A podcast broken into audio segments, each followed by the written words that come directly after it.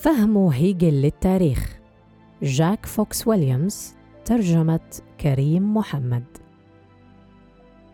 مبحث التاريخ من أكثر المباحث اللافتة للنظر في فكر هيجل ولكنه تعرض أكثر من غيره لسوء الفهم على وجه التحديد ما يسميه الديالكتيك في فهم تطور المجتمعات الإنسانية.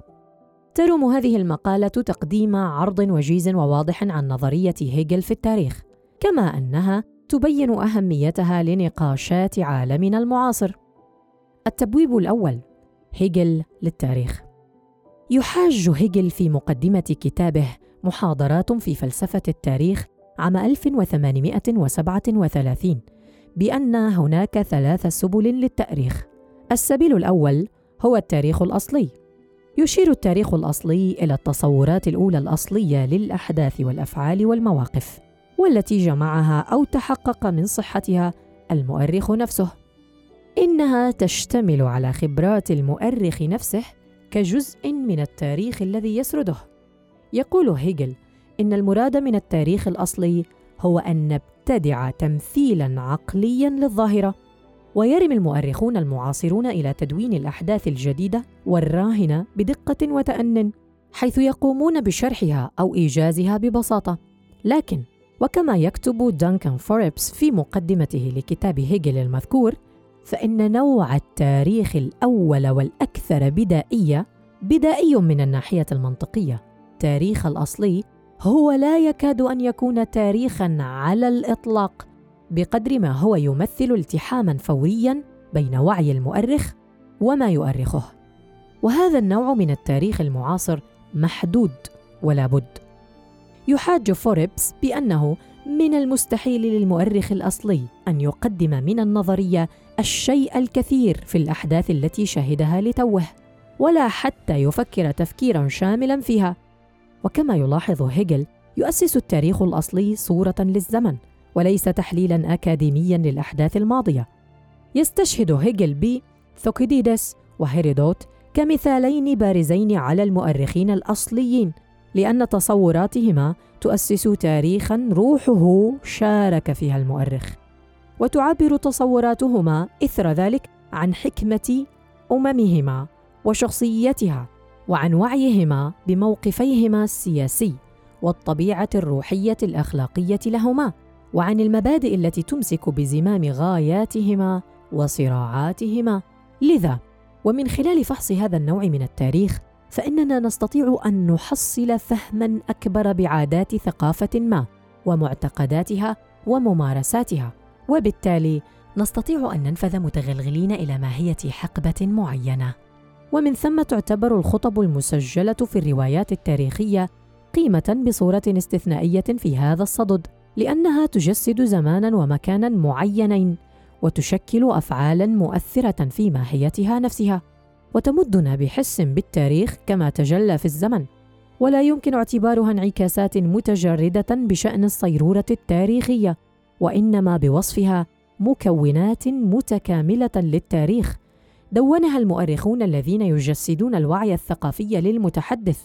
وكما يوضح هيجل في كتابه آنف الذكر فإن الخطب هي أفعال فيما بين البشر. إنها بالفعل أفعال شديدة الخطورة والأهمية. إن الخطب على المستوى المحلي أو المستوى الدولي الصادرة عن الأمم نفسها أو عن حاكميها هي أفعال. ومن ثم هي موضوع جوهري للتاريخ لا سيما التاريخ المبكر. وبحسب هيجل قد نميز بين ثلاث مراحل من التاريخ الأصلي.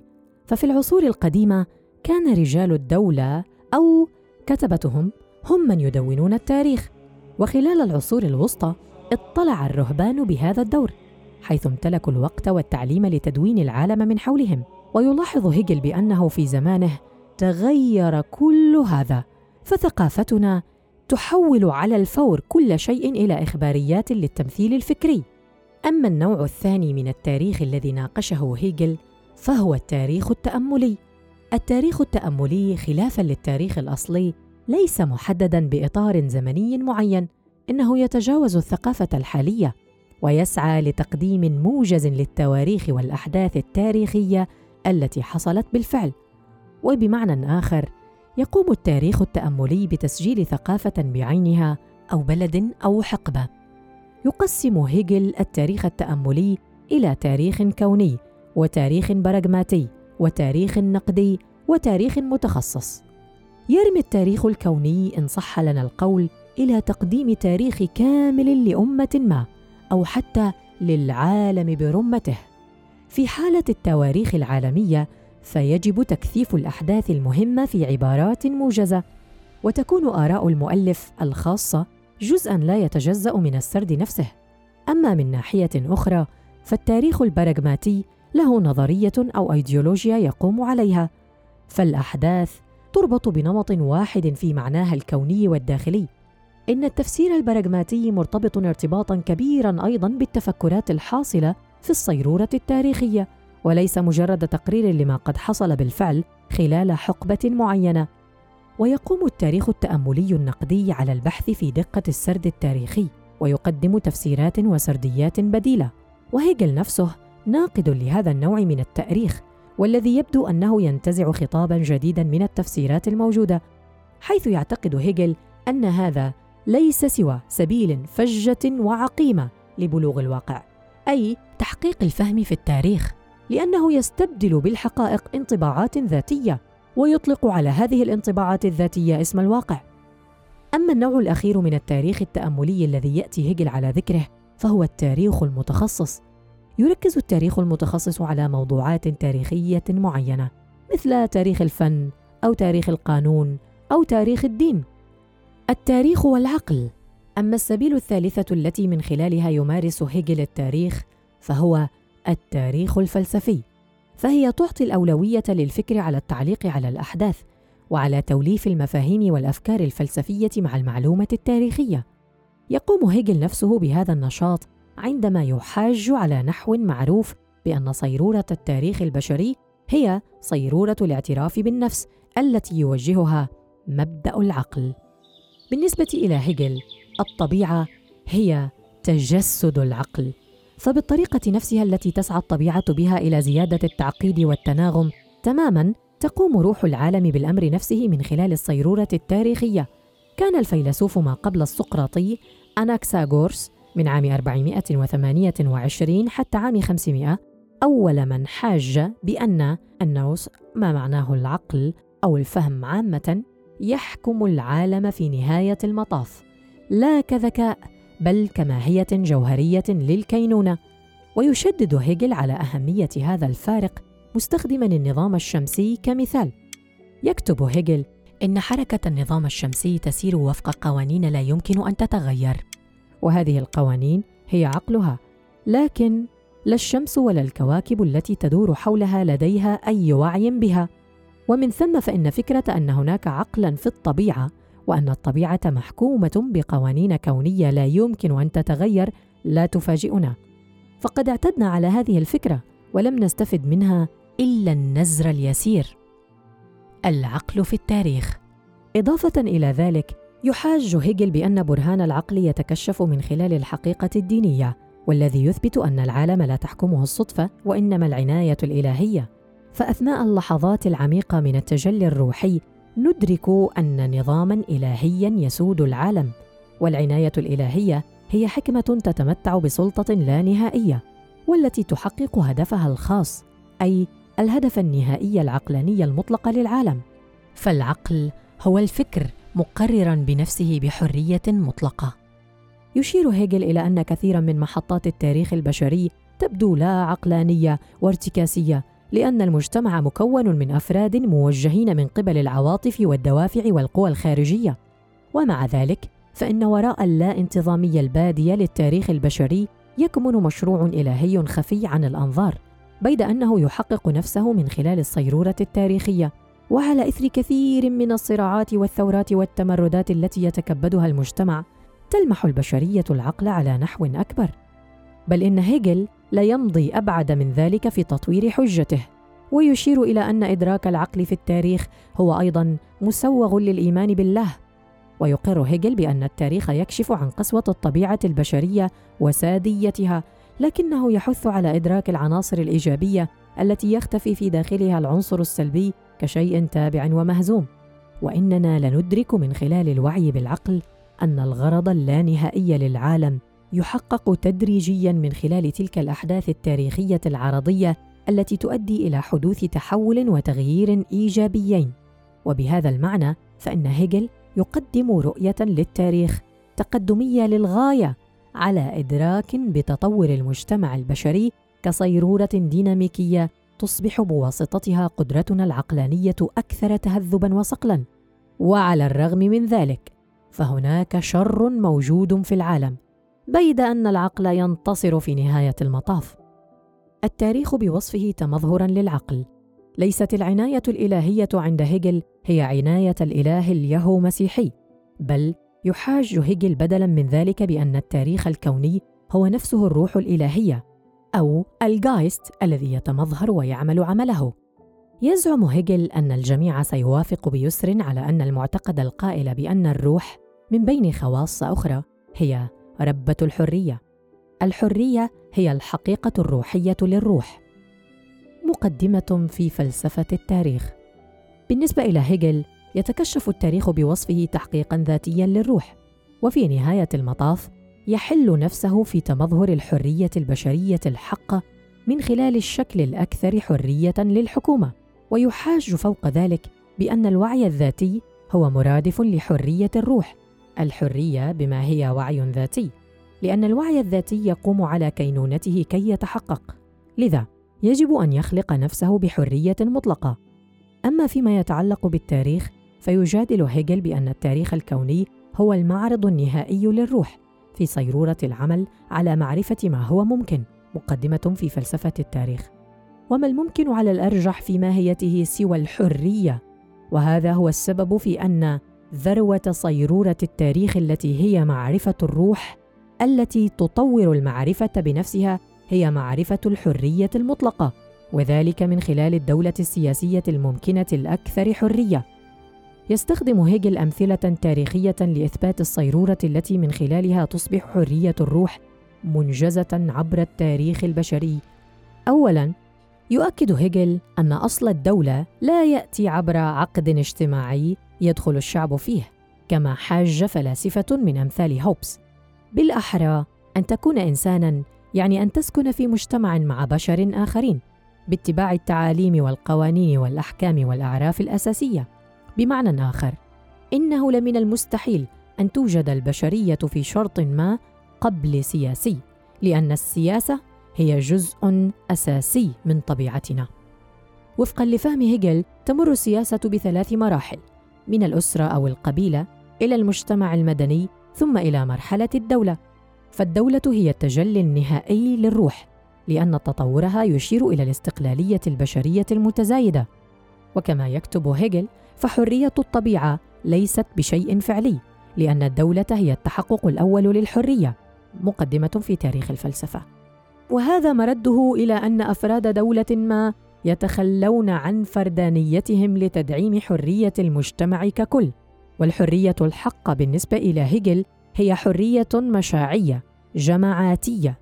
قد نفسر هذا بالقول إنه من دون الدولة فستصبح حقوق الفرد أشد أهمية مما يهتك بالخير الأعم للبشرية ومن ثم بحرية الروح. ينص هيجل على أن الثقافات التاريخية الأصلية والتي يسميها ثقافات شرقية بما فيها بلاد فارس والصين القديمة لم تحقق معرفة بالروح لأنها آمنت بأن الإنسان ليس حرا في نهاية المطاف. اعتقد هيجل أن العقلية الشرقية كانت مائلة إلى الاستبداد. الاعتقاد بأن البشر يجب أن يحكموا من قبل حاكم إلهي أو ملك مطلق. فهذه حرية لشخص واحد ألا وهو الحاكم. كان اليونانيون على وعي بالحرية. ورفضوا الطغيان في سبيل الديمقراطية والتي هي الحرية السياسية لمجموع المقترعين المصوتين. ولقد حفظت حريتهم في ظل ظروف العبودية وهي حقيقة جعلت الحرية من ناحية ليست سوى نمو عرضي وعابر ومحدود. ومن ناحية أخرى فقد سنت عبودية صارمة لطبيعة الإنساني المشتركة لدينا. ولذا وفقا لهيجل كانت الأمم الألمانية الواقعة تحت نير المسيحية أول من توصلت إلى أن للإنسان إرادة حرة.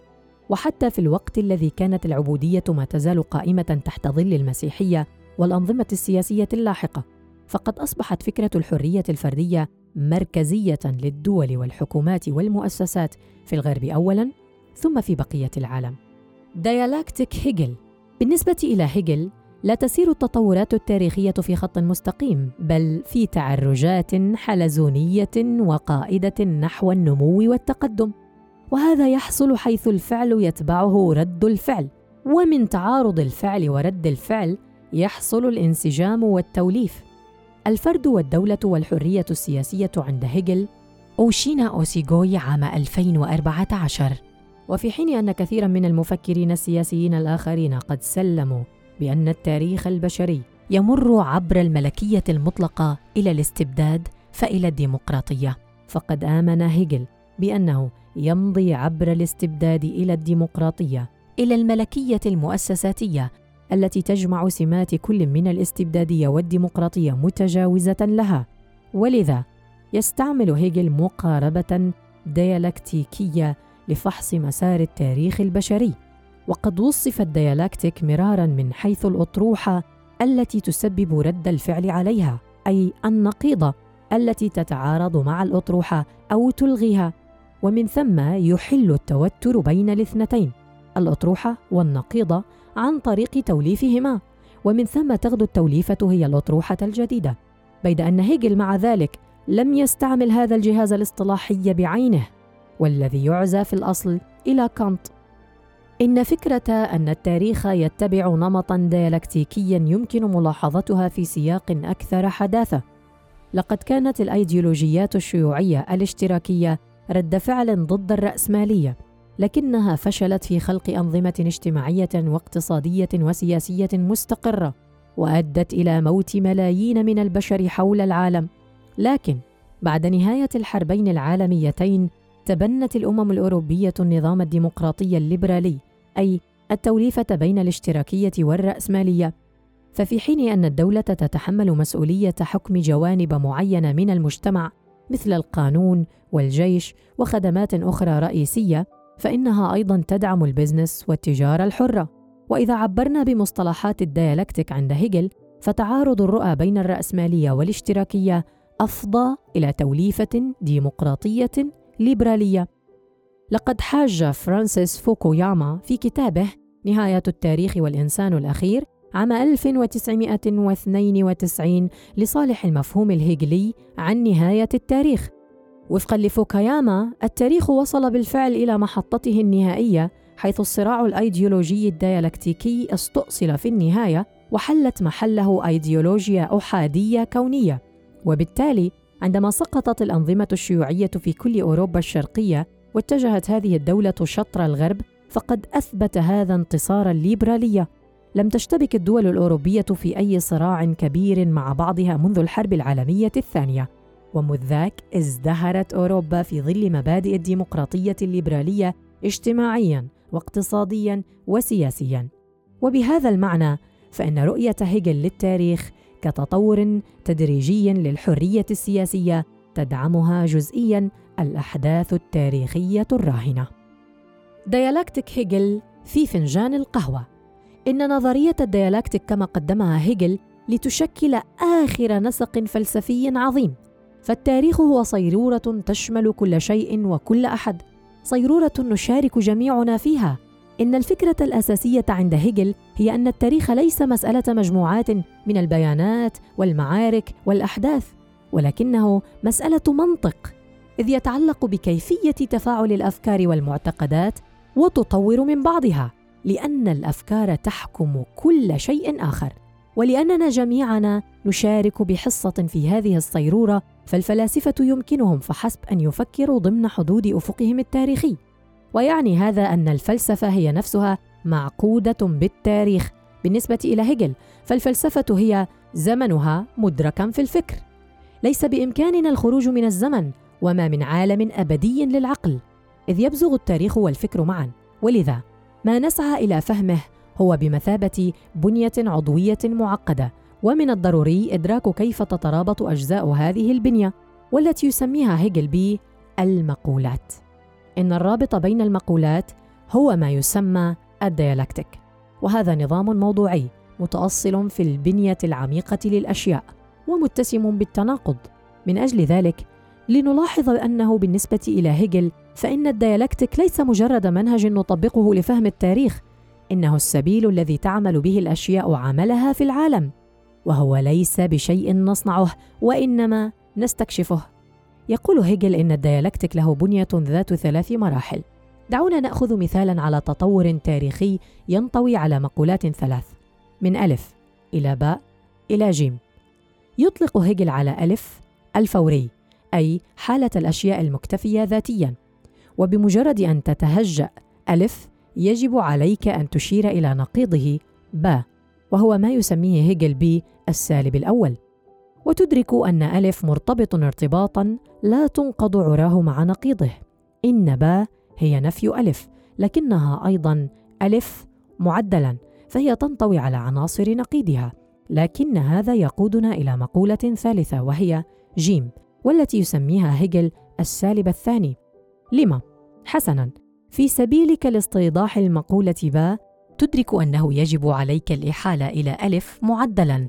وبالتالي فإن جيم هي نفي با فهي تشكل وحدة بسيطة مستقرة إذ تستطيع أن تتخيل هذه الصيرورة مثل إنزال قطعة سكر في كأس ماء.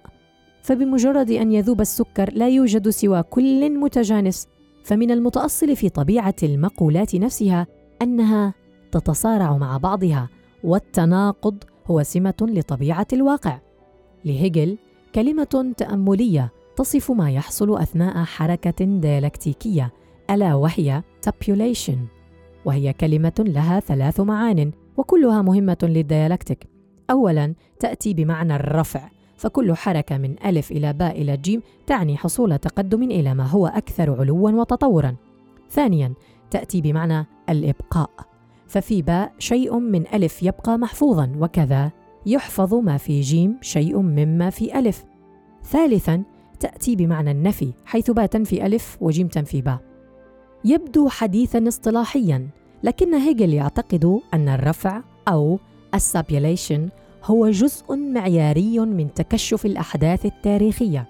وبالفعل فالمصطلح لا يصف فحسب تضارب الأيديولوجيات على نطاق تاريخي كبير وإنما هو جزء من الحياة اليومية البشرية. دعونا نلقي نظرة على هذا المثال. الفوري. تستيقظ من نومك وتعتقد أن فنجان القهوة هو أفضل شراب في العالم وهو بالتأكيد ما تريده الآن. فورا وعليه تشرب أربعة فناجين مع إفطارك. السالب الأول ثم تتوعك بالمرض. موقفك الجديد هو أنك لن تشرب القهوة بعدها أبدا. السالب الثاني كرد فعل على المقولتين الأولين. تتطور مقولة أخرى تبقي على شيء ما من المقولتين لكنها تمثل مرحلة أكثر تطورا. وعلى إثر ذلك تقرر أن القهوة عظيمة باعتدال وتوسط. وأنك لن تشرب سوى فنجان واحد يوميا في المستقبل. انجا شتاين باور.